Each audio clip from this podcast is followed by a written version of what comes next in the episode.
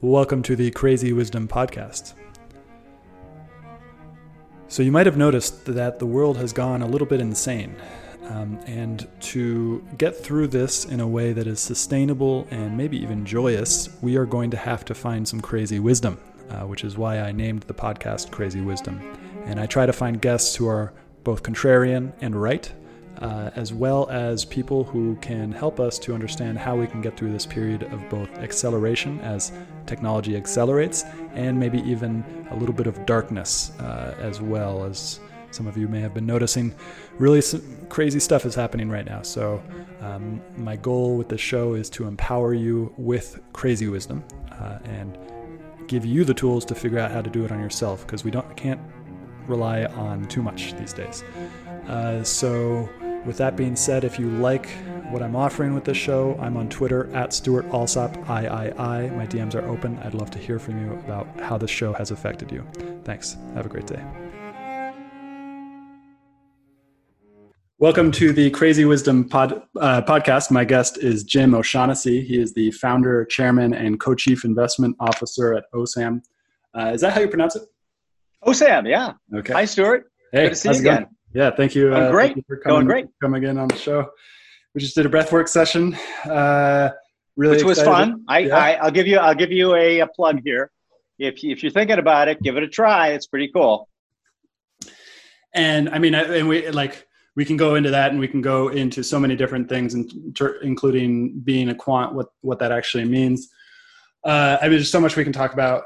Well, actually, I want to I want to ask you uh, what because I've I noticed that you wanted to do an in-person uh, podcast last time we, we we did this, and it's I actually enjoy the in-person, but I also am completely adapted to this and have been adapted to the remote thing for a long time. I would like to understand your progression, how what you've experienced over the past year as remote has now taken over.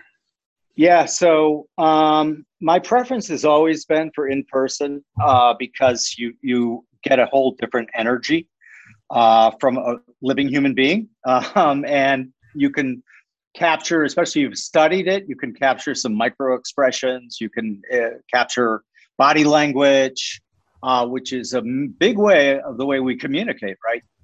Um, but the, the switch to Zoom, I have to say, was much smoother than I thought it would be, particularly if we were looking at each other. Mm. I found some people uh, in the beginning of Zoom, some people didn't want the camera on, and that was weird. I felt that was really weird. Um, and and so finally, I think it was the second or third time I was doing it via Zoom. I was like, you know, can you turn your camera on? We're, we're not going to we're not going to release any of the video. Well, now subsequently with the new staff at Infinite Loops, we are releasing video as teasers. Um, uh, but anyway, once once I could actually look at my uh, my conversant like I am at looking at you now, uh, I think it works really well. And I got to be honest, you know, um, I think it's I've got this, this whole theory about the great reshuffle and how we're moving from the physical universe to the digital universe, and I think that I think um, that COVID lockdown, even though I thought that they were tragically handled uh, by world governments, not just ours, by all world governments um, it, it advanced lots of things, I think, like seven to 10 years. Uh, one of them being the, the, uh, the realization that all of the travel time, all of the wear and tear for like a, a typical business meeting, I don't think that'll ever happen again, honestly. Mm. I think celebratory things, mm. um, uh, I think, um, you know, uh, something that is a real deal where it's where there's a lot of people uh, getting together and they might not know each other. I think that's great, and I think that needs to be in person. But I think that we're going to find a lot, like maybe even eighty percent of the stuff that used to involve business travel is going to be gone. They're just going to do it via Zoom. And well, the second, th- yeah, go. How does that affect airlines? That means like, uh, you know, I, again, uh, I'm a quant, so I don't know.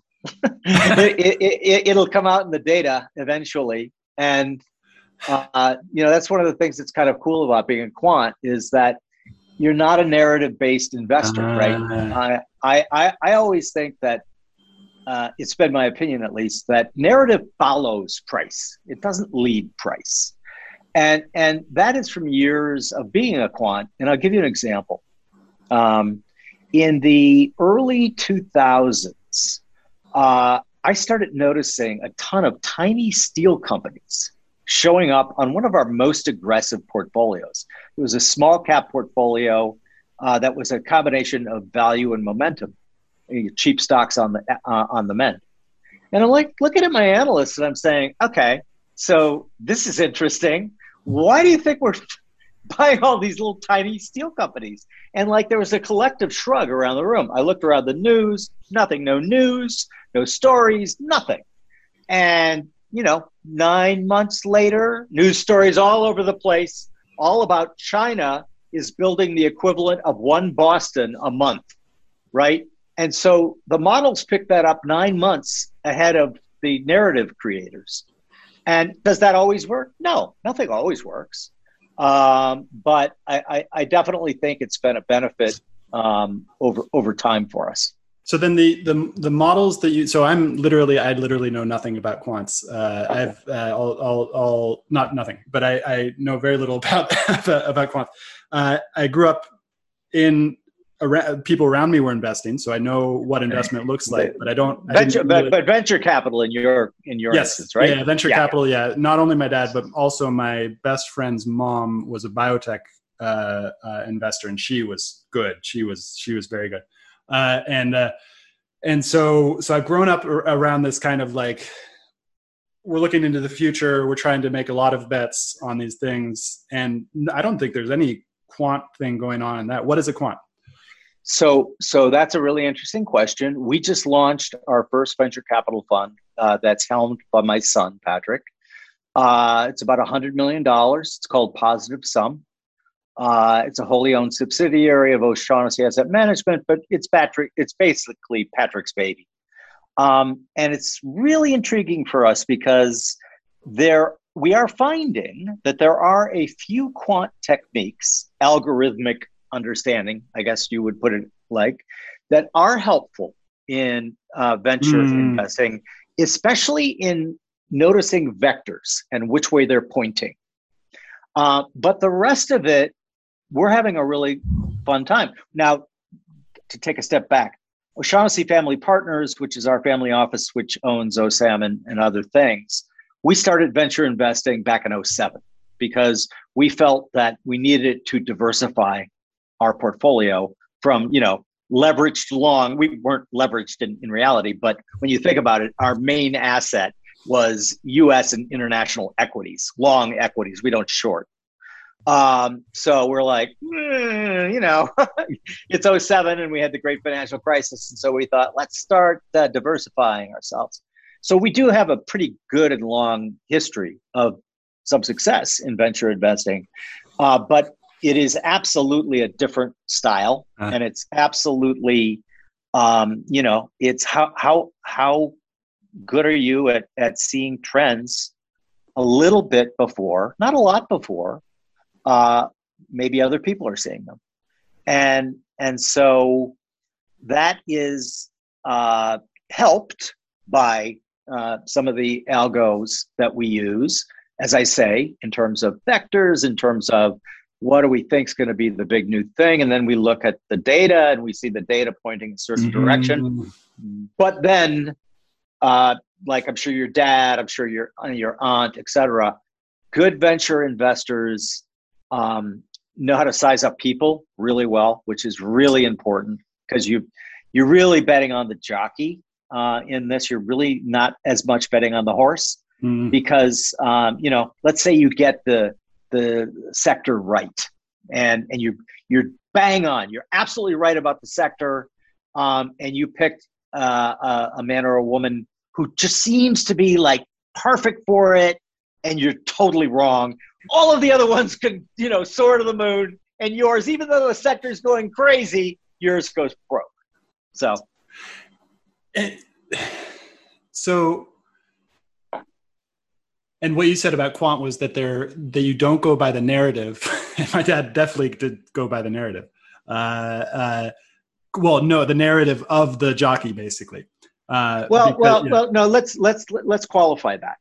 When we're talk we're talking about two pretty different schools of investing. Yeah. And and and quant is specifically interested in public securities, okay, with a in our uh, case relatively long operating history. Got it. Yeah. Yep. Um, and and so that's where uh, analytics, uh, algorithmic investing uh, that you can test over very works very very well. The other thing that's nice about quant that I, I don't hear people talking about very often is the idea that when you look at quants, there's one thing about us that is unlike virtually any other investor. And that is at the time that we are making an investment in a basket of stocks, we are doing so knowing that we are going to be wrong about a certain percentage of them. And so we, we accept that. We accept that failure rate. Um, and when you contrast that to like a traditional um, uh, fundamental an, uh, analysis type shop where they think that their insights are going to lead them to the best thing, obviously they are going into every purchase thinking they're right. and and and we we go into our purchases knowing that for a certain percentage of the time we'll be wrong but that the class of stocks that we're investing in should go on to do well. But we're also very cognizant of the fact because for some of our models, we can test them back to the 1920s. We're very cognizant of very large drawdowns and very large underperformance against whatever index you're going at. So, so we accept all of that as part, you know, part of uh, the fee of, of doing well over long periods of time. And so this gets into why I really enjoyed our last talk because that was almost entirely about the, the DAO. And uh, it just like seems that investing in companies or investing people, investing in general, uh, in, introduces you to reality in a way that maybe our initial environments of evolution introduced us to reality as well. It's just like you make the wrong decision and you die. Um, and and and and here, you know, we're now in a life where that you don't really die anymore because we got these the well, you you can't die of course but the the you've got the welfare state that you know like there are various ways of of of, of getting around that. Of course it's very difficult for a lot of people.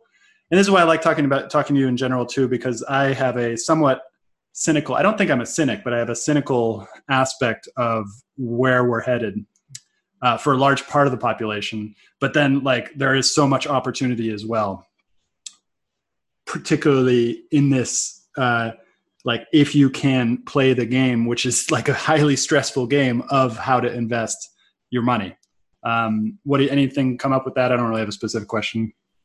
Yeah sure. I i i think that unlike you i'm not uh, i'm not uh, cynical about it. I, I always maintain a healthy skepticism about things. The two are very different as i'm sure you know. Um, and my underlying thesis is that we are going into a radically different world um, where all of the fun, so to speak, is going to be in the tails. It is not going to mm. be in the hmm. median. I think that we are moving from a world in which things were organized uh, to satisfy a Bayesian distribution pattern Hmm. That's known as a normal distribution, with about 62.5% of the population in the middle, right? Not in the tails. I think we're, we're moving into a world that will resemble a chaotic normal distribution, which is very peaky. So the middle's a lot less, and the tails are really long. And so my thesis is that uh, the, the world is opening up for very talented people I think a great example of this is my recent hire at Infinite Loops uh, is a young man who works uh, and lives in Bangalore, or actually outside Bangalore, India. And um, I think COVID is responsible for us saying, for finally killing geography. Yeah. Um, in terms of, I listen, space, time, geography are all collapsing. They're all collapsing, and and and so on the one hand, there's now a billion talented people who are now online for the first time in their in history, and they can actually compete for these yeah. kinds of jobs. Yeah. Okay, so very good for that group of people. Yeah. I do think that if we look at the other side of the tail, there are a lot of people, and this is really important. So I want to I want to I want to say it specifically. There are a lot of people who, through no fault mm-hmm. of their own, are going to have a harder time competing in this environment. So, for example, I changed my opinion on universal basic income. I'm now in favor of it. Mm-hmm. I think that we've got to try to have some stability to to this change because it's a massive change and and you know so the people who are in the winter the winter side of things they're going to be like yeah this is great. I think that we really need to pay attention to the other people again no fault of their own uh, who who are going to have a, a harder time. So i think that we need to evolve things. and this yeah this is so interesting because the in the developing so i spent a lot i spent most of my uh, 20s living in developing countries uh yeah. including brazil thailand uh, turkey colombia and mexico. Um, and uh, it was so interesting when i went to colombia. This was probably when i was 25 26 and i went at 3 a.m 4 a.m after dancing night of you know craziness. And, and i go, go in and i get a sandwich from this lady and i start talking to her uh, and she's like just like i am sending my kids to school. We are going to win. Like like oh, just like because you're coming out of like you're coming out of this intense poverty and and and nobody i had met in the i mean of course poverty exists in the, in, in the united states but the level of poverty is very very different in, in colombia. Yeah. Uh, yeah. and so and so like i was like just like because usually those people would come to the United States. That, that's that's the that's the way, or Canada, or England, or sure. Ireland. They would they would come to the United all these countries in order to work. Now with the lockdown, it, it, I I see that, and the internet, the thing that you just mentioned, there's going to be just like this huge huge ability for. And I've hired one hired, hired um, Ayulua Utmanzi uh, on Twitter and uh, and he's helping me out with my podcast, and it's like it's fascinating what's going on in Nigeria. Uh, like uh, you know, I think I think it's like 400 million people um, in Nigeria. It's amazing. Um, I, I, think I think the whole African subcontinent is going to explode in growth uh, if if they can avoid the sins of the past and tribalism and things like that we have an investment with uh, Dan McMurtry uh, called In Anchorless is the name of the fund, and it's a it's a venture fund that invests exclusively in Bangladesh. Hmm. And hmm. and one of the things that we are finding is that there is a huge asymmetric opportunity available for people here in the United States investing in developing countries. Um, so, what a, a, company, for example, that would get a pre money valuation of $100 million here is getting a pre money evalu- uh, evaluation mm-hmm. there of 5 million. Mm. And, and, and because they have a different history of venture capital that wasn't even venture capital, you know, it was, yes, we'll give you some money yeah. from one of the, you know, 12 ruling families, but we want dividends uh, at, at three, three months afterwards and and so it was designed to fail. And what we're seeing now is a vibrancy and a um, kind of a i mean take take uh, silicon valley 25 30 years ago and and and that's what it looks like there now. Just well, incredible can do spirit. And that's the crazy thing about silicon valley is that silicon valley in the tradition of the united states is one of the most provincial places in the fucking world uh, you've, you've, you've, like uh, United States, the culture of the United States. I'm not for all of us, of course, but is just very insular, very provincial, um, uh, and even though it's an immigrant country, the immigrants come here and then they become Americans within two to three generations. Um, melting pot, yeah, yeah, and it's just like so. Even though it's multicultural, it is extremely provincial, uh, and uh, um, in Silicon Valley is holding up that, or was at least uh, until the beginning. I remember I interviewed Benjamin Fernandes from uh, a, a, company in Zanzibar, uh, and he was one of the first YC investments in Africa.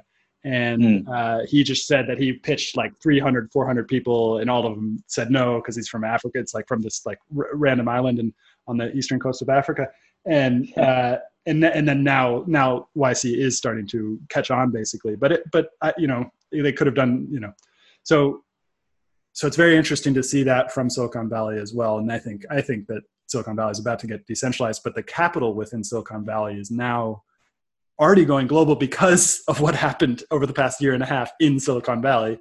In my opinion, we've all gone nuts, uh, and uh, um, and so now it's spreading uh, spreading out because they're literally moving away, um, uh, which is interesting. I don't know if you have an opinion on that. Well, yeah, uh, it it's just an opinion, and you know my my theory about my opinion is as valueless as everyone else's. Uh, so, with that caveat, I would say that uh, this new environment that we're talking about is going to kind of force a lot of changes that people might not like. Uh, so, for example, uh, blue state versus red state. I, you know, my politics. I don't have a political party because you know if you listen to one of my opinions, you'd think I was a raving lunatic left winger. And then if you listen to yet another one of mine, uh, you'd say, oh, this is a right winger. Um, and, you know, I had I did a great podcast with Chris Williamson, who's a, a Brit who lives in uh, Newcastle. And, and he had this great line which really resonated with me, which, which was if you can infer someone's entire political philosophy from one of their opinions, they are dogmatic and brain dead. And so I have I I literally do not have a party. The only thing that really animates me is that I am fiercely anti-authoritarian. and so and so of the left or the right. I don't I don't care what kind of propaganda you're spewing. Um, if if you're trying to control me or trying to control the population, I have an issue with that.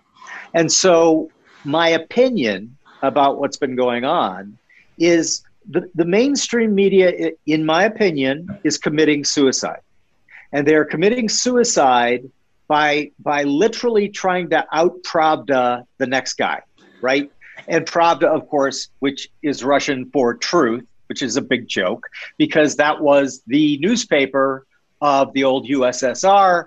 And if you talk to any ex uh, uh, Soviet people, I mean, all they do is joke about it and, and laugh about it. And they say, you know, Americans before the uh, USSR collapsed, they didn't understand that we knew it was a bigger joke than they did. Yeah.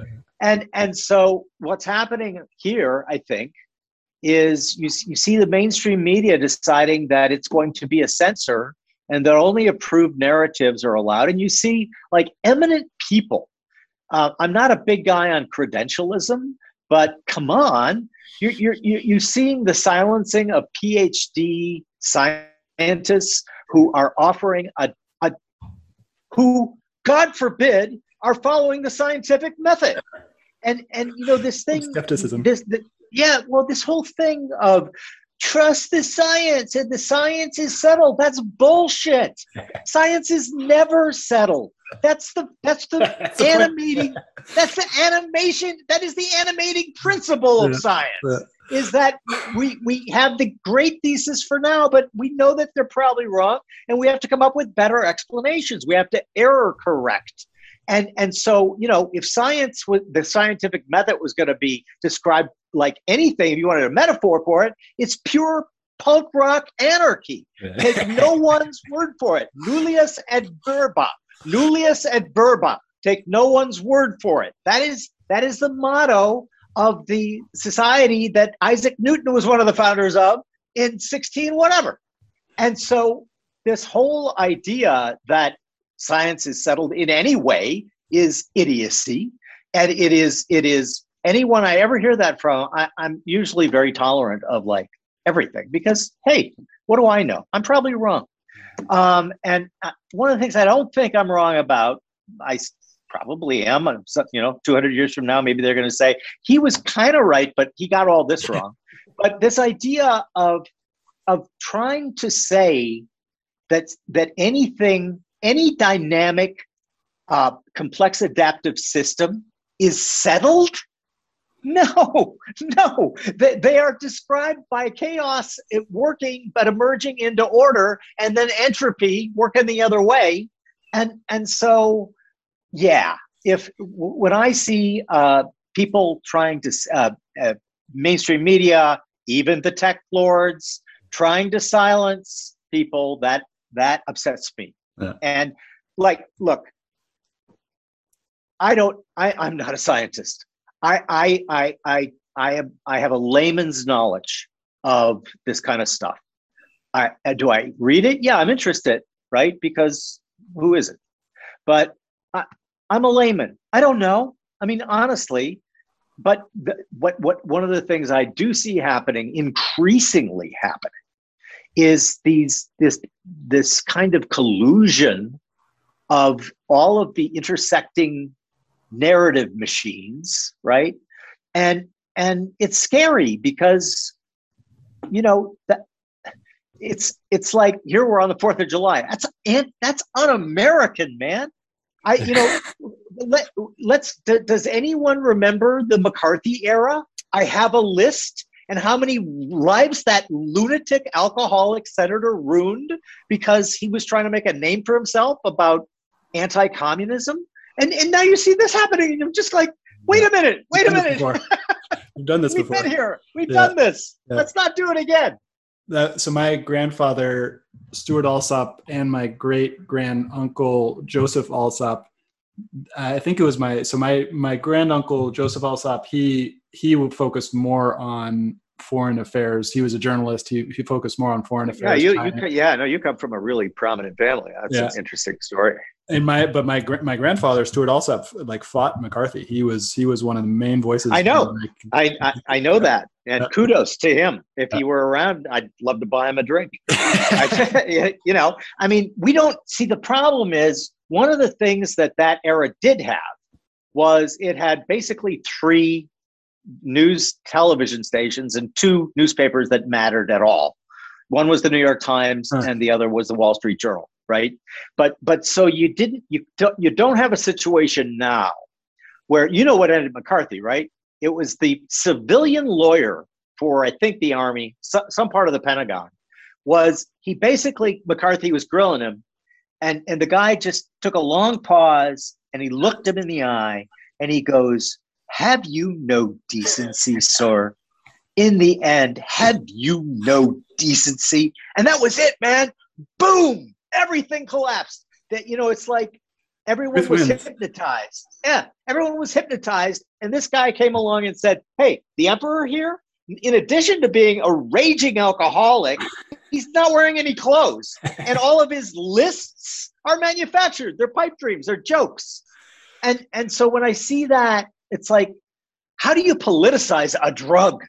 I, I, I, I, don't know. I, It's just like it, I'm like, what the fuck is going on that people can get so hypnotized into dogma and yet if you look at my my broader thesis you know the yeah. the, the, the, the, great uh, restructuring and and all of that uh, or reshuffle one of the things that happens if you look historically when things get really really kind of chaotic people freak out and what they do is they seek simple, yeah, easy answers, right? And so I think we primed our entire population mm-hmm. for it's just just too much, man. We're all reaching our Shannon limit. And for those who aren't aware of what that is, Claude Shannon, the father of information theory, who should, in my opinion, be as well known as Einstein and isn't. And to me, that's a tragedy mm-hmm. because what we're doing right now and the supercomputers we walk around with, that's all because of him. Anyway, he he had this idea that people reached a limit of the amount of information they could take in into their brain, and and so right now, uh, attention is the new gold, right? It it it, it you it, we've gone from an age where capital was the king to creativity is going to be the king going forward. Innovation is going to be the king, and getting people's attention for more than eight seconds is going to be the thing. And so when when all this is going on at the same time, people freak out and I don't blame them.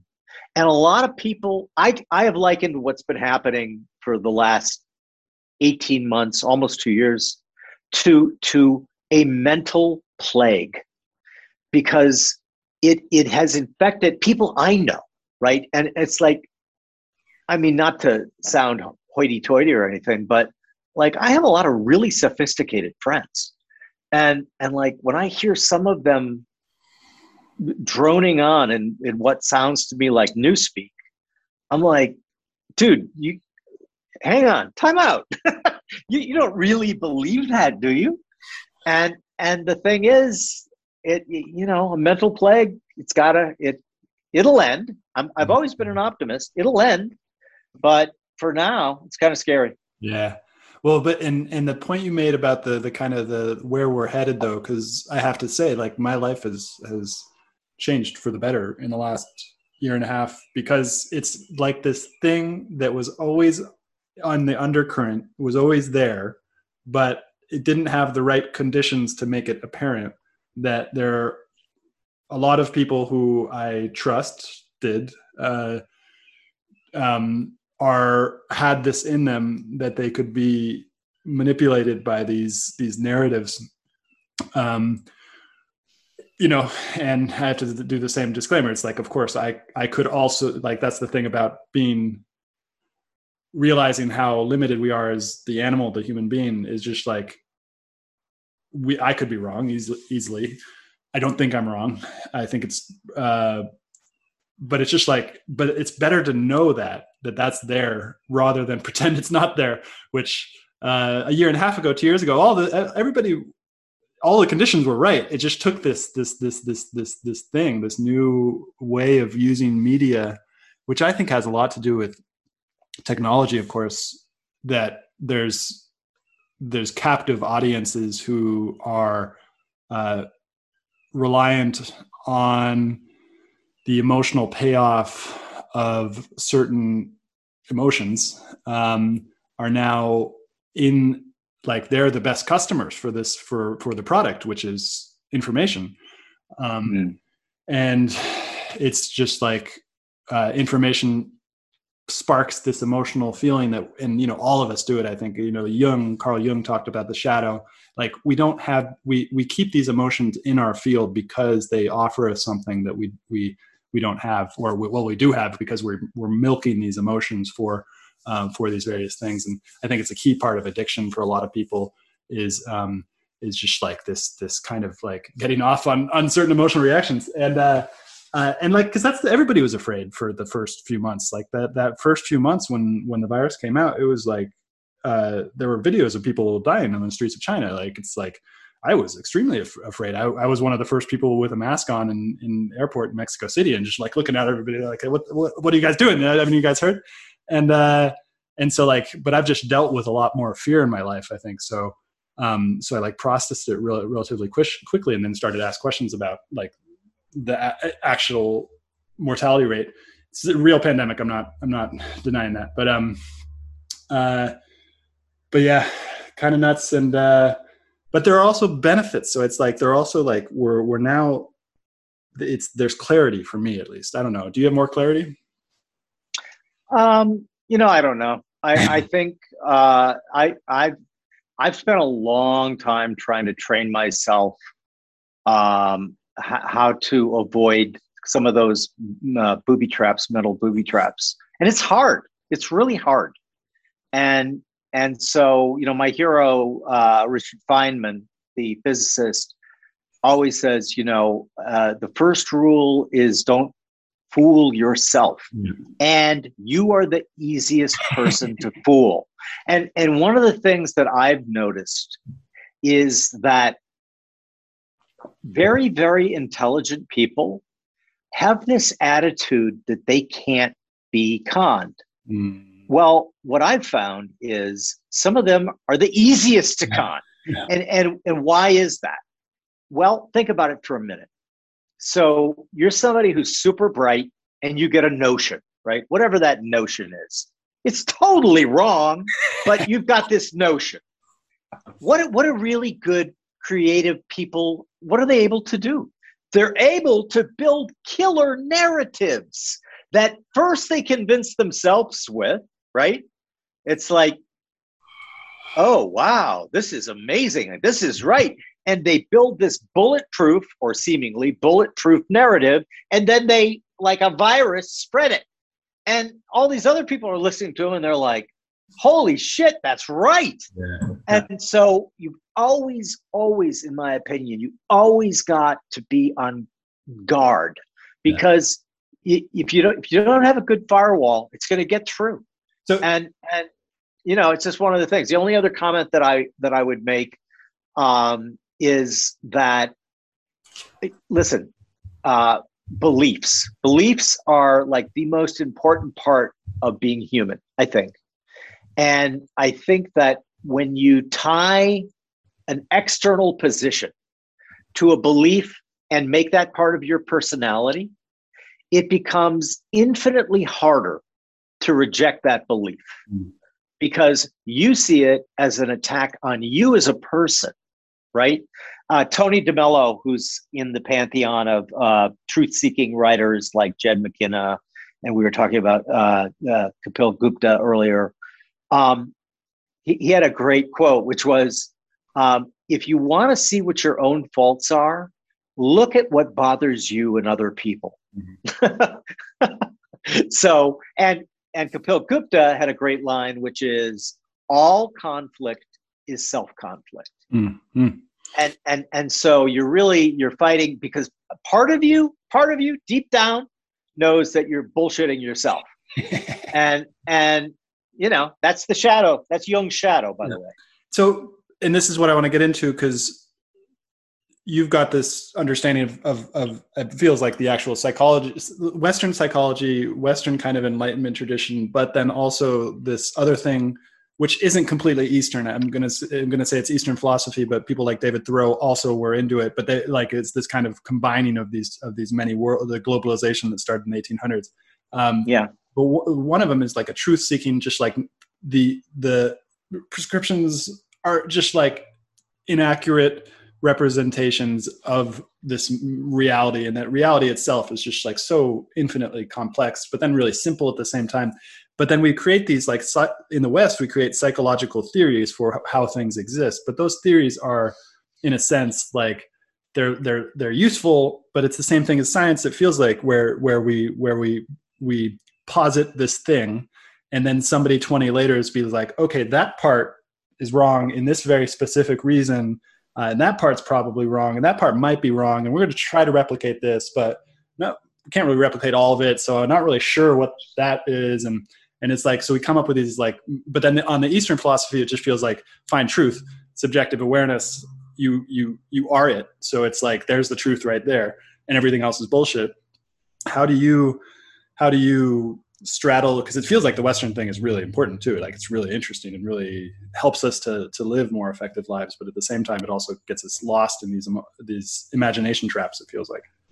Yeah i agree with you and i think that listen um, I, I i i subscribe to the whole notion that all models are wrong some are useful.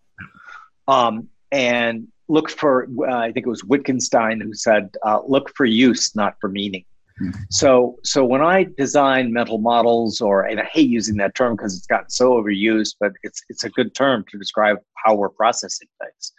Um, you know, the reason I like models over saying I believe versus I posit or my hypothesis is is this in our in our mind, I believe means me, and mm. you better not attack what I believe. Mm. When you say I posit or my hypothesis is one of the things that you do in your own brain is you know that models A are usually built from observing empirical data, B, that they are designed to be challenged, right? They're designed to be falsifiable. And, you know, uh, if if you read Max Planck or a- anyone like that, uh, you, you, you it you ha- if it's not falsifiable, it's it's not a model that we should be using in everyday life i guess would be the thing i'm not saying anything about you know people who have faith in in things that are not falsifiable like you know the gods or um, things like that but so we straddle kind of this interesting thing, and, and Jed McKenna, who's kind of one of my favorite of the of the truth seekers, I guess, truth realized. He always says if if the if the actual differs from the uh, your hypothesis, you're wrong. Hmm. right? So if the data says no and you say yes, the data is right. So I don't have any problem being proven wrong. In fact, I I start a lot of things and I start a lot of my own hypotheses with uh, this is probably wrong. I, so every hypothesis that I note or write down, like I, you know, your people won't see it very well, but it's like this is from when I was 21, and like I wrote everything out about like are there parallel universes? If there are, how does consciousness work? You know, if if con- if there are parallel universes, and all those guys saying that there are parallel universes, and back then very few were saying that. Um, like so, consciousness maybe isn't internal, maybe it's external. Uh, Tesla, the man, he thought that. You know, Mozart, when he wrote a symphony, uh, he just wrote it out out perfectly. And when asked about it, he said, I, I just see the whole thing and I write it down. And his rivals said, you know, it's like he is taking dictation from God. and so, and so the, my point is though, that there are kind of like, I, think Jed's new thing about the, the real goal is human adulthood. Yeah. And, and that goal, that goal is to be awake in the dream state because enlightenment like siddhartha buddha right that's kind of a bummer, really, because uh, you're alone. you, you know that everything in the dream, in Maya's dream state, is a lie. And I mean, that's not a lot of fun. And so Jed, Jed is like, you know what? And it's funny because I, in my earliest notes when I was started on this stuff, like with the Tao, for example, uh, the Tao Te Ching, it's like I finally saw what he was saying, and what he's saying is everyone is is trying to swim upstream man. Don't do that. Swim with the current. It's very easy to to there's a great taoist tale about this really old man right um, and this these two young people see him fall into a raging river and they run over because they think obviously this guy's going to drown and and they see him kind of floating around with this big smile on his face and then he comes back to the shore and they run up to him and they're like how the hell do you do that? I, I, mean, we thought for sure you would be crushed by the strength of that river. And he goes, No, no. When I was a very young man, I learned not to struggle against the greater force.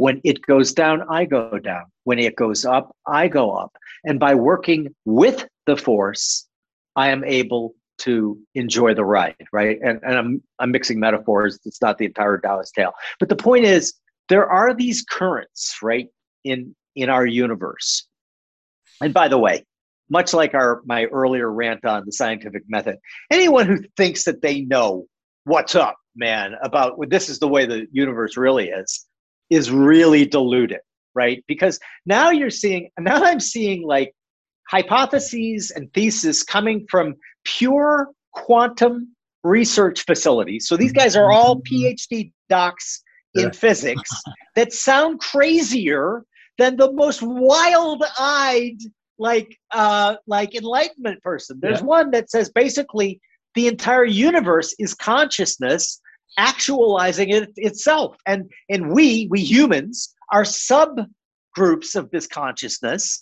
and and i'm like reading this and i'm like I'm, I'm smiling because i'm like you know I would if if if like Jed was writing this, I'd say, "Whoa, man, you might have crossed the line here." But but this is these are these are scientific theories, and so I just think I'll look. I'm happy. I'll never know uh, unless unless I'm very wrong, and I don't think I'm wrong on this one. I'll never know, but I do know that the the people 200 years from now, at least I hope, they are going to be much more switched on than we are they are going to know much more than we know because we were even though we have all of the people fighting against it the scientific method is out of the genie's yeah. out of the bottle and they're and they're not going to be able to cram it back in it's like pandora's box yeah. and as long as we can allow for error correction i've been recommending this book to everyone i'll recommend it to you the beginning of infinity by david deutsch better explanations you know basically created this world yeah. and and it requires open mindedness. It requires the ability to have dissent. It requires the ability to say, I'm wrong. And, and when you have that, man, look at what the world looks like. And I think that there's, I'm an, op, I'm a rational optimist. And, and by the way, people don't, I don't think, understand, you know, what that really means. Optimists don't think that, hey, everything's going to be great. It's quite the opposite we we acknowledge there are going to be all sorts of fuck ups and tragedies and horrible horrible things but i we always think we're better if we're we've got people working on that problem i mean which society do you want to live in do you want to live in one that says the gods are responsible for everything that comet there that's god's punishing us or do you want to live in a society where the scientists are like, no, actually, we're going to be able to figure out lasers that, uh, or sub, uh, some sort of sonic weapon that breaks up that comet and saves the day? Mm. And I know I want to live in that second society. This is fascinating. There's so much that I could say from that. Well, the quantum theory is really interesting, particularly given okay, I do want to go into this path. I've now moved, and I want to understand what you think about California in general, because it feels like a lot of what you talk about. There's there's a similarity within Northern California transformational psychology that really got popular in the 1960s, 1970s in California. Yep. Uh, the Esalen Institute, all that kind of stuff. Yep. yep. And um, yeah, but you're you're not from here. You're from the other side of the coast, which I always love talking to people from New York and the East Coast because it's really hard sometimes in California to get to the truth because yeah, uh, uh, uh, everybody's being overly nice all the time, and it's just very like, right. Yeah, come to New York, my my friend. You won't have that problem. yeah, exactly. yeah, I enjoy it. I enjoy it thoroughly. And uh, um, but so now I've moved to a secret center of Northern California transformational psychology. Actually, a lot huge influence from LA. I feel like I'm in the forest version of LA, uh, but nobody hmm. knows about it except for these hippies. And I'm running into all these crazy people who have like like have have dropped the science part of the consciousness and are like now like far far uh, out in their in their hypotheses, but they're not hypotheses. they're not hypotheses. They're predictions and um, uh, crystals and yeah, yeah, yeah. What yeah. do you think about that part of the same area that Jed McKenna and all these other people are in, but also kind of don't yeah. See, you know? So so obviously I try to avoid premature certainty on anything. I think that premature certainty is is one of the biggest problems that uh, we specifically in the West are guilty of.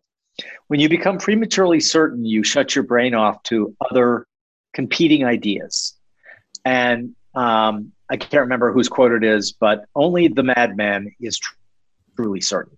Mm-hmm. And and so, I, I, like look. I, I I don't know the the uh, the um, various argument points of your hippie friends there. What I do think, and and and, and what I have observed which is really interesting, is that a lot of people um, co opt ideas that are really old and really simple. Uh, the mm. best example, I think, um, is in the book, the movie, the the you know the empire that is called The Secret, uh. and I don't know if you're familiar with that book, but it, it's it, what they've basically done is they found a kernel of really, really old Heraclitus, an ancient Greek philosopher, was talking about this shit, and Plato was talking about it, and all the way up through. I mean, so it's been around forever. This whole idea of affirmations, and you become what you th- what you think, right? So you become what you think the most about. You you become like those people that you're exposed to the most. It's a really simple idea, and you know it's it has a lot of versatility. Okay, so So they take that, right? And they go, oh, this is interesting. Affirmations. I, I all I can do, all you have to do is affirm, affirm. No. and you know, so so kernel of information correct, right? Yeah, yeah. But then but then people get so then they put the marketing spin on it and it's like all I have to do is sit on my couch and decide I'm going to be a millionaire and I'm a millionaire. No fucking way are you a millionaire by just hoping and dreaming that you are. What what they miss is energy of thought is a thing. Yep. Energy of action is a thing. And then there's another one. This is actually this formula that I was writing out when I was 21 right there. And and and what we forget is this last piece of the formula, which is energy and everything's energy. That's why I was putting it this way. Of random action, random events, and then I squared that. And then what I basically said was how you react to these random events that happen to you, how you act and how you think, that all goes together in a formula, which I have here, and which kind of outlined the way I approached life. It's it's that last bit, Mm-hmm. the randomness and how you react, right? So so you can't sit doing nothing on a couch thinking I'm going to be rich or I'm going to be famous or I'm going to be a great art. I don't care whatever you what you what you want to be. You want to be a great artist. You want to be a great writer. You want to be a great uh, kung fu artist. I don't care. They all require lots of action, thoughts aligned with action. Action informs thought. Thought informs action, and then this is the one that really gets people: how you react to random things that come your way. So I was talking to this gentleman uh, who's named uh, Arnold Van Den Berg, who a buddy of mine had on his podcast. He's an old school guy, amazingly interesting man. Most of his family perished in Auschwitz. Um, he he harnessed the the power of uh, you know self hypnosis and subconscious routines and things like that. And he's just this really interesting man. But that's why I have this old journal out because he said something that really resonated with me. And that was, and it's very stoic, by the way. That is how you react to something plays a much larger role in the outcome than anything else because we were talking about luck. And and and I made I quipped that people who tell me that everything is luck are like the uh, most unlucky people I've ever met in my life. right? So everything is luck, everything is random. Yeah. And these people have this black cloud following them around, right? And the and he laughed and he's like, that is he, he doesn't swear. So he was like, that's poppycock. Um, and and he's right, right? So there is there are various prescriptions. We were talking about those earlier that if you follow them loosely can be very very good for the way you want your life to go. But but you know just dreaming about it just uh, just affirming and doing affirmations bullshit. That's not going to change anything. Um, so i look i've always said that what you if you really want to succeed at whatever you want to do and and this is universal. You don't you don't if you don't want to make money i don't care. Good for you. If you want to be the best surfer or the best writer or the best painter or the best builder you know the best carpenter it all requires the same attitude in my opinion which is this little formula i've spelled out and and being very careful when random things happen to you. Mm-hmm. Because getting rid of your own agency i think is that's the that's the death spiral. People don't everyone always talks about the magic of compounding. Well it is magical but it works the other way too. It, when things negatively compound it's like that that describes the hemingway quote perfectly.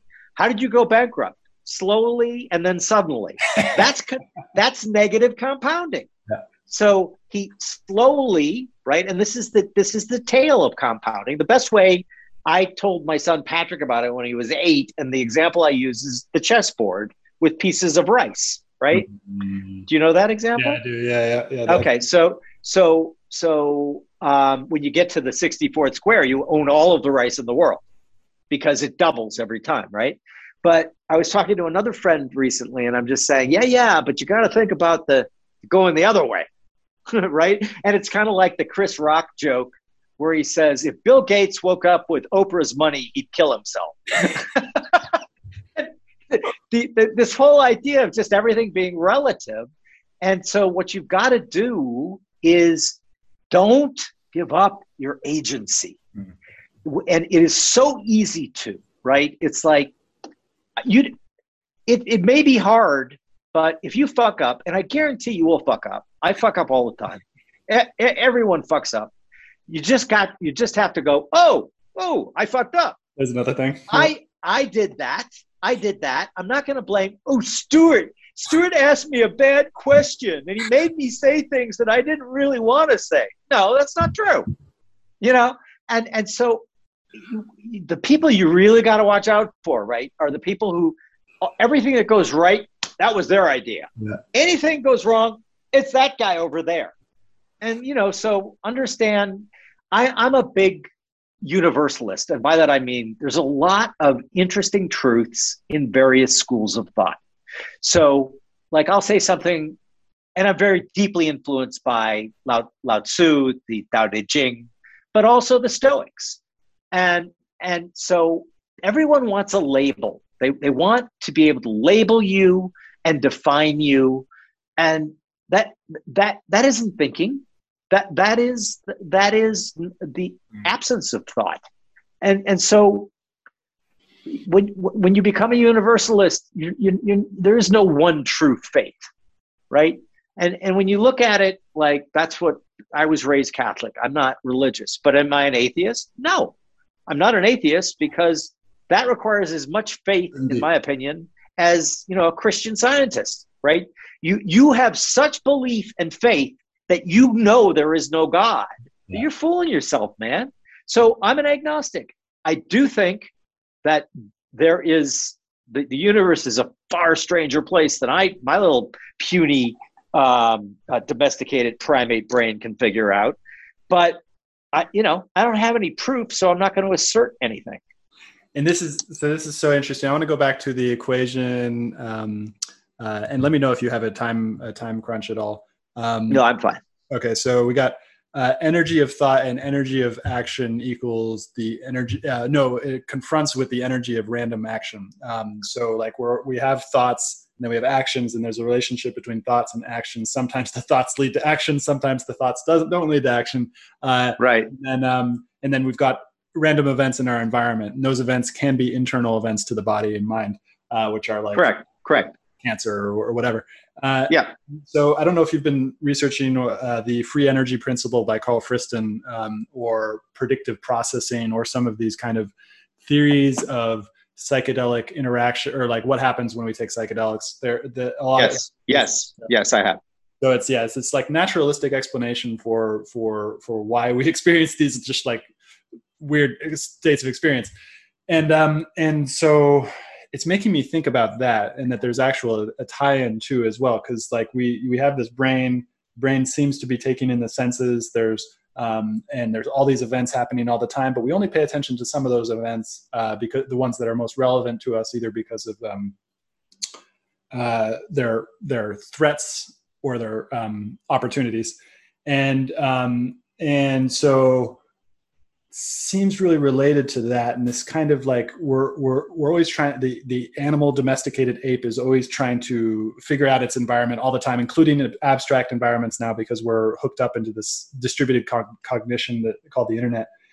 Um, well but and before that we had books and everything like that as well which gets me into the like this this this this thing with particularly western human beings i think is this notion of individual which i really like because we are individuals uh, but we're also like like in a way that's not like it's it's not optional we, we can't we are interdependent interdependent in terms of our cognition like we learn everything from those around us uh, what do you think about all that stuff So um, you, you covered a lot of ground there. Um, I, I, I, I agree with the notion. I think it was Erwin Schrödinger of yeah. the cat fame, who said when you when you add up all the minds in the world, it equals one. Yeah. And and you know that's the you know we're talking about the Gita there, right? Um, and a lot of what Lao Tzu said and and and whatnot. So I I definitely think that um, a world where individual rights and individual abilities to pursue um, th- mm-hmm. their happiness. Here, this is the Fourth of July, but maybe that's why I'm thinking this way. By the way, the original line there was pursuit of property, not happiness, hmm. and and they changed it. That was the first draft. Jefferson's mm-hmm. first draft said life, liberty, and the pursuit of property. I think that's really interesting. Changes it a lot, right?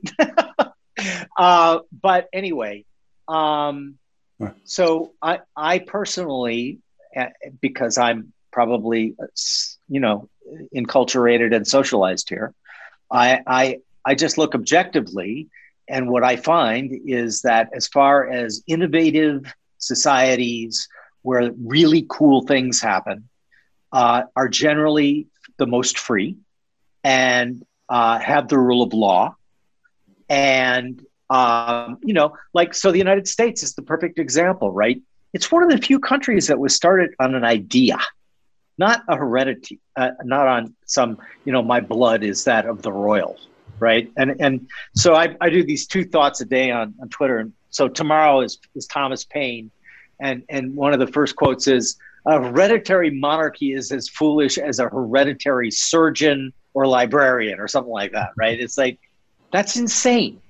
And and so I definitely believe that free societies will always do better than than um, unfree societies. I think unless you are like the, in my opinion, a very deluded person, or if you've read nothing from history, nothing, and I mean nothing from history, then maybe I could see it.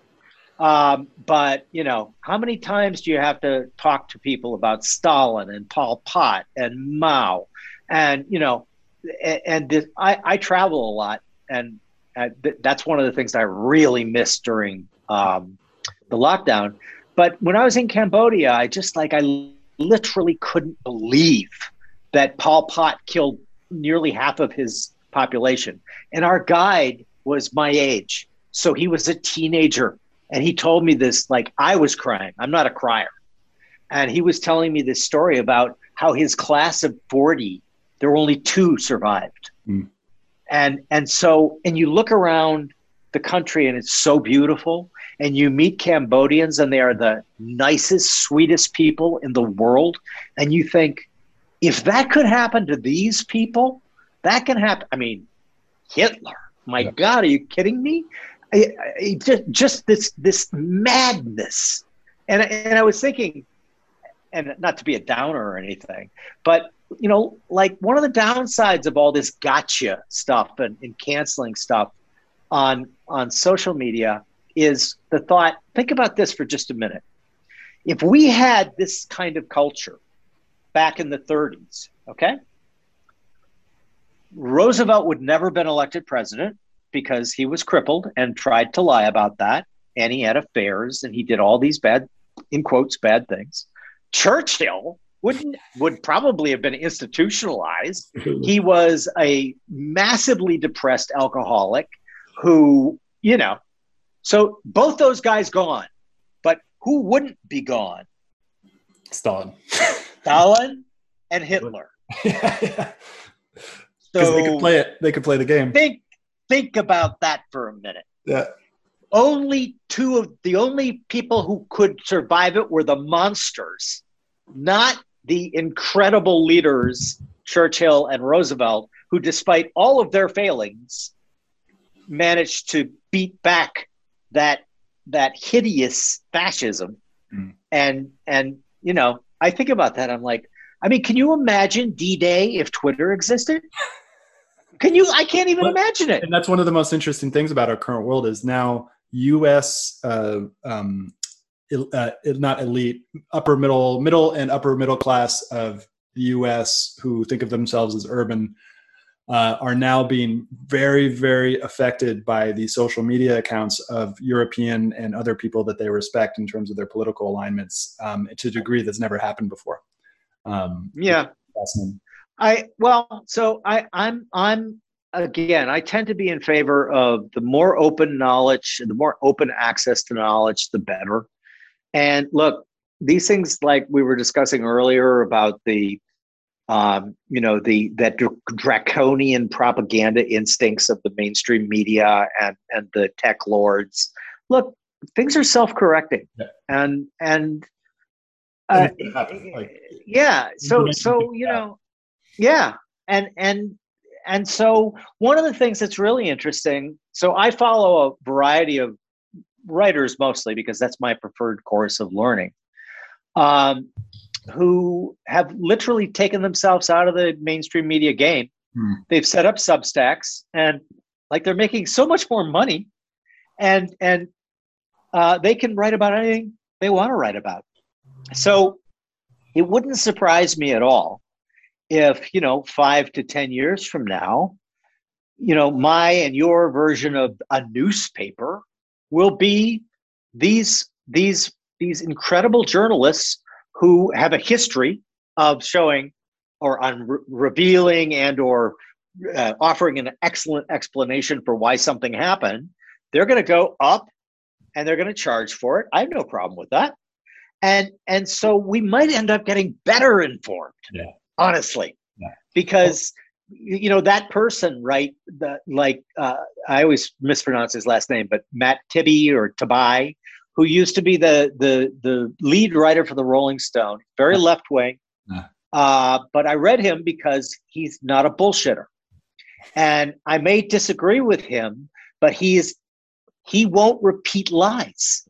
He has he has he has this he has this like incredible affinity for the truth. Isn't that novel? Yeah. Anyway, he the the Rolling Stone uh, basically spiked one of his biggest stories. Wow. And I think it was about the whole uh, Russia thing with Trump. He's yeah. like, there is no evidence at all for any of this. And he goes, I really wish there was because I, I, I would be all over it. Yeah. I really would, but there isn't. And so they spiked that story and he left and he started a Substack. He's doing much better now, and and he really thinks that that was the beginning of the end for the mainstream media. Yeah. That collusion to re- so-called report things that they knew were lies, yeah. right? Yeah. And that's the thing. That's the difference. I'm no Trump. Lo- I, in fact, I'm very happy he's gone. Um, but I mean, he did engender this Trump delusion syndrome that people would just like, especially out people I know, like I don't know a Trump supporter. Okay. I, I literally don't know a Trump supporter. So I understand that my my information, it's like Pauline Kael, uh, who was the, the film critic for the New Yorker, said, I don't know anyone who voted for Nixon when Nixon won in a landslide in 1972. And so you're talking about provincial. Ah, I mean, both coasts, man. Yeah. We are really provincial. Yeah. And and like so I I used to even joke to my wife when I used to travel a lot for business and she'd say, "Well, where are you heading now?" And I always said to her, "Same place I always go, real America." right? And and real America is pretty cool actually. Yeah. If you go and, and you talk to real Americans, they're not caught up in all this bullshit. And and they remain the most friendly, helpful type of people. If your car broke down, they're going to stop and they're going to say, "You need a ride. You need my help," and and that's all still the same.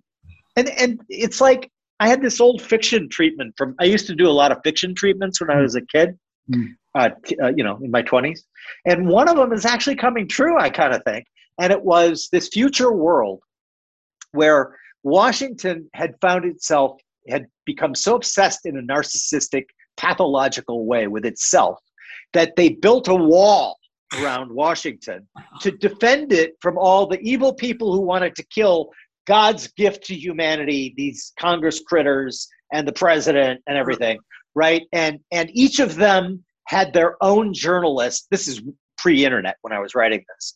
Each of them had their own journalist who would issue a blippo-second report on what that that congressman or congresswoman was doing, and they were issuing more laws than they'd ever issued in, in the history of America. All God's and work. What they, and what they didn't know was the rest of America had stopped paying attention to anything that came out of Washington for like 15 years. And so the book, it was a book, um, and the book opens with this very solemn procession in an Iowa wheat field. And, and it's like all these people from different parts of the country are walking to meet in the center, and the looks on their faces are really grim because they don't want to be doing this. And we realize why. At the center of the circle is a military guy with the football, the nuclear codes to launch the thing. And they're picking lots to see which average American is going to be responsible for that football for the next year. And of course, nobody wants it, right? Because only a psychopath would want to have that code, right? And so, and so, it, you know, it extends from there and just goes on to the idea, and it's almost happening, right? Because, like, you go to where I grew up, Minnesota, you go to Iowa, you go to anywhere like in the middle of this country, and people are just as friendly, just as helpful, just as non judgmental mm-hmm. as they were years ago. And so, again, the, all this stuff corrects for itself. And this too, you know, one thing that I really do believe is this too shall pass. That's a hard one. That's the hard lesson, though, right? Because for a kid, uh, as a child, because the emotions are so intense, like even just in terms of development like your whole nervous system is so much more uh attuned. Yeah attuned and just like not given unregulated. from yeah reality like uh and so a kid is just like oh i want that i want that so much. And then it goes yeah yeah. or i you know i, I hate that. I don't yeah. want it, it stays there. And uh, and, uh yeah it's just like it's uh, it's really interesting for me growing growing out of that and then seeing that in other people. And it's just like it's just, it's that whole Jed McKenna being an adult um, yeah. and like to this to the the sage is to the adult what the adult is to the child um, kind of just like life is hard but at the same time it's also beautiful and like uh and particularly where we are right now where we're just like at the cusp or maybe past of just this huge, huge societal change. Um, and no one knows where it's going to end up. But it will be interesting, and all those things will pass. But then new things will come up, and it's just going to be a very. Uh, well, see, that's my that that's kind of my the, the the way I live life, right? So, if you if you go down that path, um, as I've been doing since I was a teenager, um, and you you are you ultimately and you by the way you only do that because you can't not do it right? I, I i like people will talk to me about should i read jed mckenna? And i would say i would say probably not you know? Because like mckenna says in the opening if the universe has set you in front put this book in your hand then you in all likelihood are much closer to an honest confirmation of what the world is really about right? It's not a bed of roses. Okay. and so it always leads you, I think, this is my opinion, which is probably wrong. It always leads you to what I call the bridge of nihilism. Okay. Mm. And and and nihilism, as everyone knows, is you know existential angst. The world has no meaning. There's no great purpose you know all of these religions that have formed are trying to tell us that there is this great purpose but but the honest person who goes on this this path gets to the point where he or she understands that's all bullshit. It's it's all spiritual Ambien to put you back to sleep. And and the herd does not want you awake. The herd wants you sound asleep and it's not a conspiracy. It's just it works better in society. Yeah yeah. And so if you get to that spot right you got to go across the bridge okay because if you don't go across the bridge of nihilism you're never going to get to that place that i think is super cool and how i have managed to be able to live my life which is when you realize that there is no meaning to life, what you get to do is create your own meaning in life. The world becomes your canvas. And like mm. I, I I tend to believe that we're here for this is one and done, right? Mm. And and does it bother me that almost no one will know who I was like 200 mm. years from now? Of mm. course not. I don't care. Um, what I care about deeply is creating a masterpiece. And, you know, it's it's a spotty one. but but that's okay, right? Because once once you decide that that life is a create your own adventure sort of thing, that is amazingly freeing. Mm-hmm. And and so I know so many people like I was talking to a good Jewish friend of mine, and he goes, You know, the thing is about Catholics and Jews is the reason they get along so well is the guilt. and and like I laughed, but he's it's true. I it never took with me Catholicism, right? Because was your, was your dad Catholic? My family was Catholic. Yes, uh-huh. my grandfather was very Catholic, uh-huh. um, and it just never took with me. I remember being reminded by uh, someone that I was an altar boy. I used to like say to the priests, you know, help me out here. Um, you know, uh, so I've been reading about Greek mythology, and Father, I got to tell you, theirs makes a lot more sense than ours. and of course, go over well. Did not go over well. I had to go. I had to go to confession, um, and you know, it's just weird, right? Confession, though, actually is pretty cool. Anyway, yeah. Uh, but but once you realize that all of this, all of it, all of it, is just a great story, and and and it's a story that keeps us from going insane and wanting to kill ourselves, and and if you are afflicted with that with that urge to know I will I will probably do my very best to try to stop you. Because it it leads to some very very very dark places. Now, luckily, I, I got to those dark places when I was still a lot younger, and so I had the ability to bounce back. But I'll tell you, man, yep. don't stare into the abyss for too long mm-hmm. because that that shit fucks with you. You want to talk about the shadow?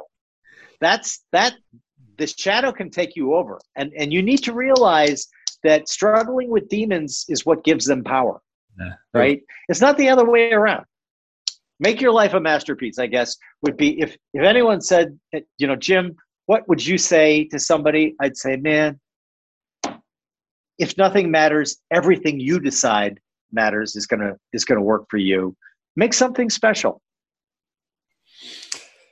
yep that is beautiful and so interesting for me because as you were talking, I probably got about another five to ten minutes left. There's this beautiful because I used to be very, very afraid of that. And then also, I recognized that when I was younger, I was asking a lot of these questions, but then um, through a series of events, started to take medica- medication because that those dark places that I was going to were making it hard to uh, function in the, the the school and the, everything like that. Uh, and so now I've had to revisit those questions. Uh, luckily, I think I have some some some good ability to bounce back because I've been learning all this stuff about the autonomic nervous system and and just like definitely if you start this when you're older, it is harder. Uh, yeah. And uh, if you start it when you're younger, and I think a lot of young people are getting into it, and part of this strange information that matrix that we have because you know on the internet it's just expanding everybody's ability to come to information uh, and i think mm-hmm. a lot of young people are finding their way to this that the bridge of nihilism as you said um, what do you think? yeah I, I i i mentor a lot of people mostly young people not not only young people but mostly young people and not just in my profession in a variety of professions and and yeah um, i listen that's it. I hate these label thinking people who want to put people in a certain bin. You know, I it's like I don't care about, about like the meme okay boomer. I actually think it's really funny. Um, but but you know like anyone who says all x are this yeah. hasn't thought about anything, and they're an idiot, in my opinion. And it's like I'll I'll hear people my age grumbling about, you know, oh these fucking millennials, they just you know, and I'm like, you know, hold up for just a minute, just hold up, okay? So you, you know, right, that the people who are making certain that you get to sleep comfortably at night, uh, U.S. Special Forces, you mm. know, those are all millennials, right? You, you, you do know that, um, you know, and then I, I'll give examples like people founding companies and everything. I'm, and so I'm like, listen, there, no X is all anything. And yeah, it's, it's as wrong about the boomers as it is about millennials. So I hate painting with a broad brush because it's wrong and it's just really wrong. And then it creates the, we're, we were talked about earlier negative compounding. And so your thought process goes into this negative spiral and you're going to like end up like really being bitter and a loser because oh i hate uh, you know and and so i have a theory though that you know the, the internet has allowed for the the atomization of all these various tribes right and and that is not entirely a bad thing mm. and here's why let's say that you were in a subgroup that that the old society of the 50s and 60s was way outside their overton window mm. right mm. so you're gay or or you're bi or you're um, uh, you you think uh, drugs are great, uh, like you like to smoke a lot of pot, or um, you know you're transgender. So so none of these things could be talked about.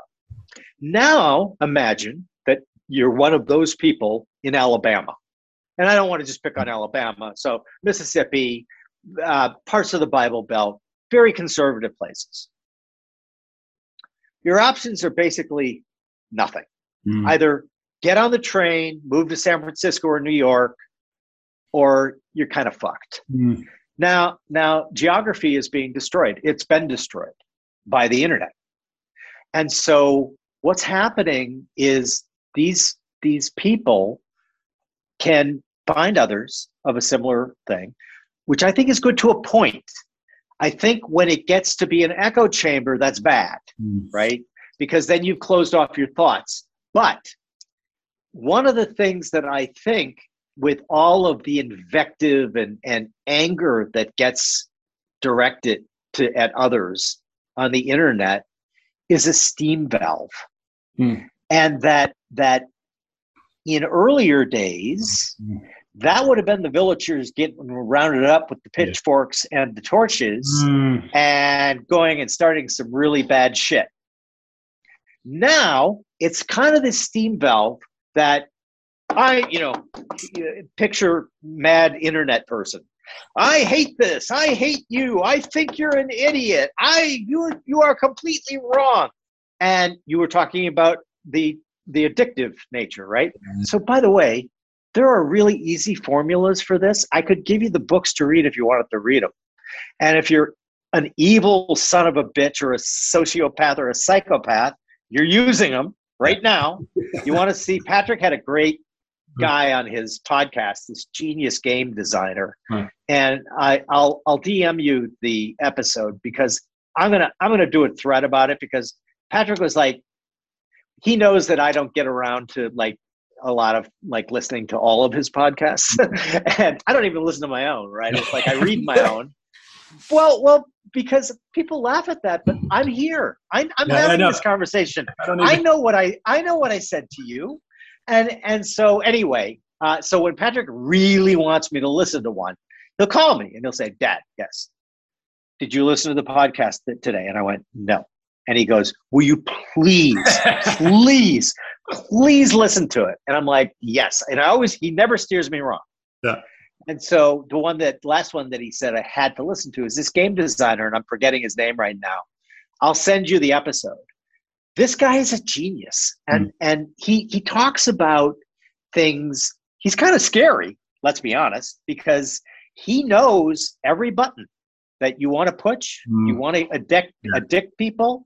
Yeah. It's really easy to do, and so there's I'm I, I I always hesitate to like say this is a good, you know, this is good that we have this steam valve because there's a lot of secondary and tertiary yeah. events that we're not thinking about, right? But I do think that one of the benefits, maybe, of people being able to get rid of that aggression, right? That anger in, come on, let's face it, a very harmless way. Mm-hmm. It's like mm-hmm. some person they're never going to meet. I certainly told him, you know, and ooh, look at what a strong guy I am.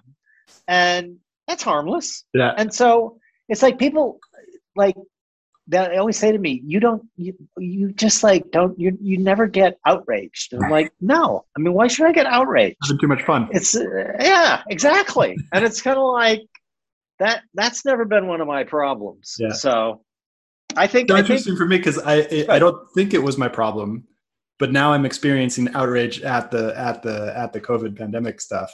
Uh, yeah, but it's also it's the opportunity to see my that the shadow like the the there it is of like the thing that I can't accept in other people the outrage is there yeah. Um yeah and, for sure for sure. Yeah. Um well this has been huge fun. Uh uh I want to do it again? Uh one day we'll do it again. Sure and uh but yeah this has been great uh how can people find out more about infinite loops uh, www.infiniteloops.com. Where did the name uh, come from? So, so the name, I'm a, I, I love math and I love physics and I love things like that. And I, I was reading about uh, a, a, uh, a certain type of recursive loop yeah. uh, where, where you just, it, you know, you get stuck. Right. And, and I thought, just think about if that happened to you and it was just infinite and you just were always stuck right? And so i thought well wouldn't it be kind of cool to have a podcast where i talk to really smart people people who are really so much smarter than i am and ask them kind of cool questions to help people you know get them nudge them out of that infinite loop and maybe learn and maybe learn something new because we, so, we are stuck in an infinite loop well, of course we are. Yeah. but that you know that's the that's the inside joke, yeah. right? Yeah. Uh, but but what I found is like I'm I love it. So you can follow me on Twitter at JP O'Shaughnessy. We always put a bunch of infinite loop stuff up there. Um, it's on every single one of the podcast platforms. So um, if you've got a favorite, you can find us there. We always have a lot of fun. We we it's completely unscripted. It's conversational. Um, it, it, your generation probably won't remember the movie, but there's this funny movie, My Dinner with Andre. I, uh, you remember the uh, character from um, Princess Bride, um, played by Wallace Shaw or Sean. Um, so he, he's in it, and it's just like, and that's what it gets compared to. Like mm. people who like who like our podcast are like, what I love about it is it's kind of like just listening to two really interesting people having a conversation at dinner. Mm. And and luckily I'm able to entice and fool all of these very, very, very smart people, much smarter than me, to sit and talk to me for an hour and a half. So it's kind of like, God damn, this is awesome. so it, you know, I, I honestly I, I started this because I wanted to learn yeah. a lot of things. Have and you, that's that's what's happened. Are you going to get Rick and Morty, the guy who created Rick and Morty, on there? I would love to, uh, because I'm a, as you know, I'm a huge Rick and Morty fan.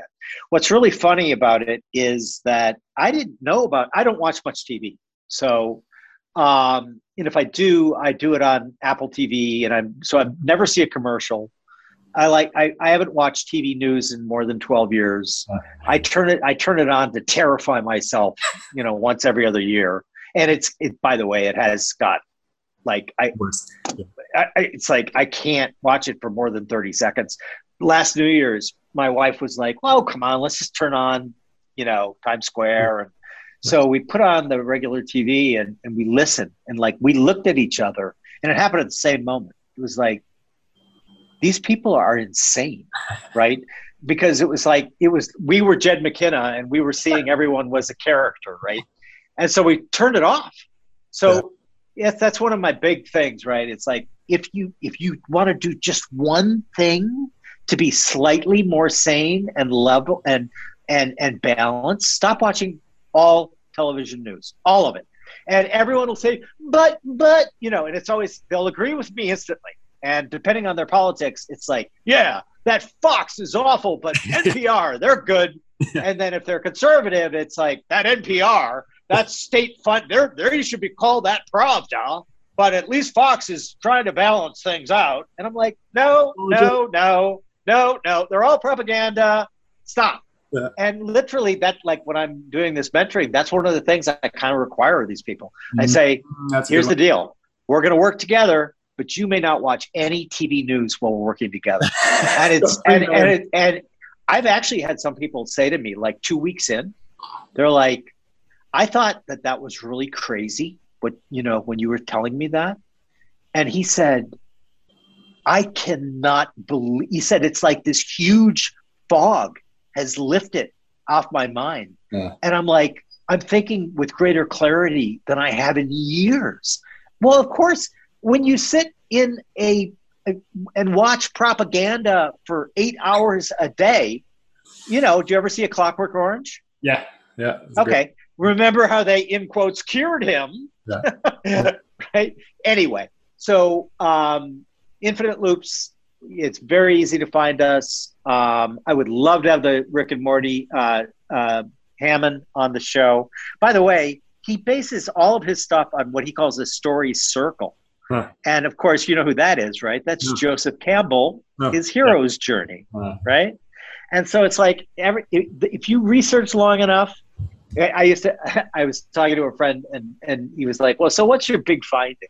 I said, "My big finding is if you research anything long enough, religion, uh, you know, different forms of government, whatever, what you mathematics, axioms, what what you find is that when you get to the bottom, you know what? Everything started as a marketing campaign. That's it. I mean, Lewis Carroll, Charles Dodgson was actually a gifted uh, logician, and he's got a really short piece called "What the Tortoise Said to Achilles," and I highly recommend reading it because he essentially, very cleverly, by telling you this story, right, um, shows you that when you go into math or logic and you look, keep going down, right? And you keep going down, you keep going down. This rule proves this rule. Yeah, I get it. This one proves this. Yeah, that's right. This one proves that. Yeah, uh huh. Build all of our logical systems on it. When you get down to the base, what do you find? You find a human being saying, I believe this with no proof. No proof. and so it's so it's and then market he did better marketing it's so, like the cat the catholic church why are they so big better marketing interesting so there's one so and I, and I have so I have something in five minutes, but I think I can do it in within sure. five minutes. There's there's yeah. so there's the Jed McKenna method that seems similar to what you just talked about of like try to find one true belief yeah. Uh, and write it. And by the way, you have to write, write it, it, You have to yeah. write it. Yeah. And so maybe I haven't written this one down yet, but there's ev- ev- I exist. I know that I exist. I know that I can't be sure that others exist, but I also believe that others exist. Mm-hmm. There's another belief. But that existence, and even though I say I exist, I still exist. And that feeling of existence seems like an incontrovertible truth. Um, uh, but that would go against, I think, the the Jed McKenna like, well, well, it's still a belief, and the belief isn't the thing itself. Um, but what do you think about this, just like basic fact of existence, and what that means for being a human being? Um, so I I think that I think that's pretty much right. Mm. Um, if you find one thing, if you if you've read broadly, and you've read the Gita and you've read the Tao Te Ching and you've read um, parts of the Bible and you've read all of these things, right? What does God announce himself when they ask him who he is? He no. says, I, I no, no, oh. no, no. In the original, God's response is, I am that I am. Yeah. Think about that. Yeah. Mm. And, and that thou art. Right? So, do we exist? I think that I can prove to my own satisfaction, like you said, that I exist. I don't know that you exist. I, I do know that there's this wild uh, splinter philosophy, right? That everyone in the world is you. Yeah. And what and and what this is is a training program, so to speak. Yeah. And and and you are here to Im- become emergently wise. And and so you are everyone. I'm you, you're me, um, and and it, everything is self-referential. That gets back to all conflict is self-conflict, and and so can I prove that? Of course not. So that goes off my list. But I I can prove, I think, to my own satisfaction that I do exist. I can't prove that I exist in the form that I think I exist in, right? You know the old, the famous brain in the vat. That was the beginning of this, right? Maybe you're just a brain in a vat, mm. and they've got electrodes on your thing and you think you're talking to Stuart and you thought you were doing breath exercises, but no, no, it, you, you, it's some scientist seeing what he can get away with. Or, you know, the end of Men in Black, which is mm-hmm. brilliant and most people forget. Go right? The, the, in, in the end, they're talking about you know the universe on the belt of Orion, the cat, right? And and that and and now wait though, what's cool is people don't understand sizes of things, which I clearly believe. Um, but then it does this long outtake.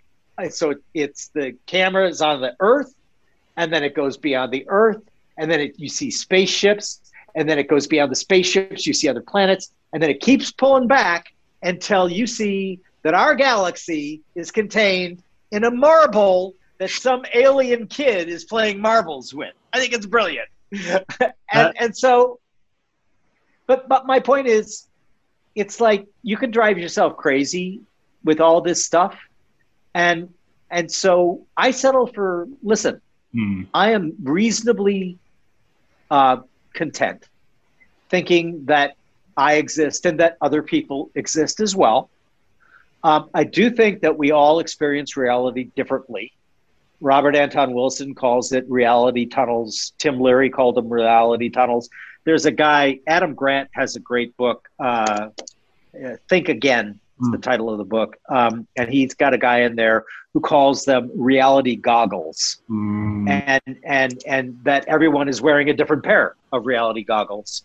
And, you know, you can basically prove this if you're ever in a, I don't know, it could be a fun party game, actually. Um, you know, give everyone a piece of paper, um, and if they're in an unfamiliar environment, and and move them, and then say, write down what that other room looked like, and what you're going to see is that even though you thought that everyone's experienced that room the same, none of the descriptions are the same, and that and that is reality tunnels, right? So if if if if I think that I'm playing baseball and the game is actually football, eh, you know, they're going to institutionalize me and say I have a psychosis. And maybe, maybe I don't have a psychosis. I just have a perception filter problem. Mm-hmm. So, I, I look. You can drive yourself if you want to go crazy, man. there's a lot of text you can there's, read. There's a lot of content that'll, uh, that that'll take you there. Yeah. Okay, Jim, this was so much fun. Uh, thank you so much for coming on the show. Everybody, check out Infinite Loops. Thank you, Stuart. Always great to catch up with you. Yeah. Hope you enjoyed this episode. I'll be publishing episodes every Monday, Wednesday, and Friday in the morning. If you did enjoy this episode, please find us on iTunes, Spotify, Stitcher, many of the major podcasting platforms, and go ahead and give us a review and also subscribe. And as always, I'm on Twitter at Stuart Alsop III. Come join the conversation as we aim towards the truth. And the funny thing about truth is that you can't really put it into words because every time you put the truth into words, create a linear narrative out of something that is nonlinear. The truth is nonlinear. It's not. It's it's. If you really recognize the truth right now, your mind wouldn't know what to do. It'd be overwhelmed by beauty, and pain, or it's it's something that is beyond our linguistic capability to represent. But that doesn't mean that the language isn't helpful. Language can point us in the direct right direction, but it's it's not it's not the truth itself. And so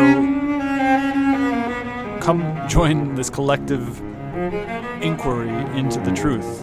Find me on Twitter at Stuart Alsop III. Uh, subscribe to the podcast. Share the podcast with your friends. Uh, most people don't have the ability to let go of this linguistic understanding of the way that the world works and just aim for the truth, regardless of what the language tells us. Uh, and so I think what I'm doing with this this show is is necessary for us because as we enter this stage of uncertainty, uh, and we are most definitely entering an age of uncertainty, and as we do, it's really really important that we stop paying attention to what the mind is telling us all the time doesn't mean to say that the mind doesn't have its place. The mind obviously has its place, but it's just one of the senses. It's just one of the tools that we can use. We can use the mind, we can use the feelings, we can use our actual senses.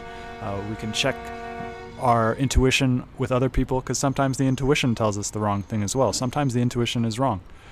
So it, we can't we can't rely on any one tool to get us there. So come join the show. Find us on iTunes. Find us on Twitter at Stuart Alsop III, uh, and come join the, this inquiry for truth.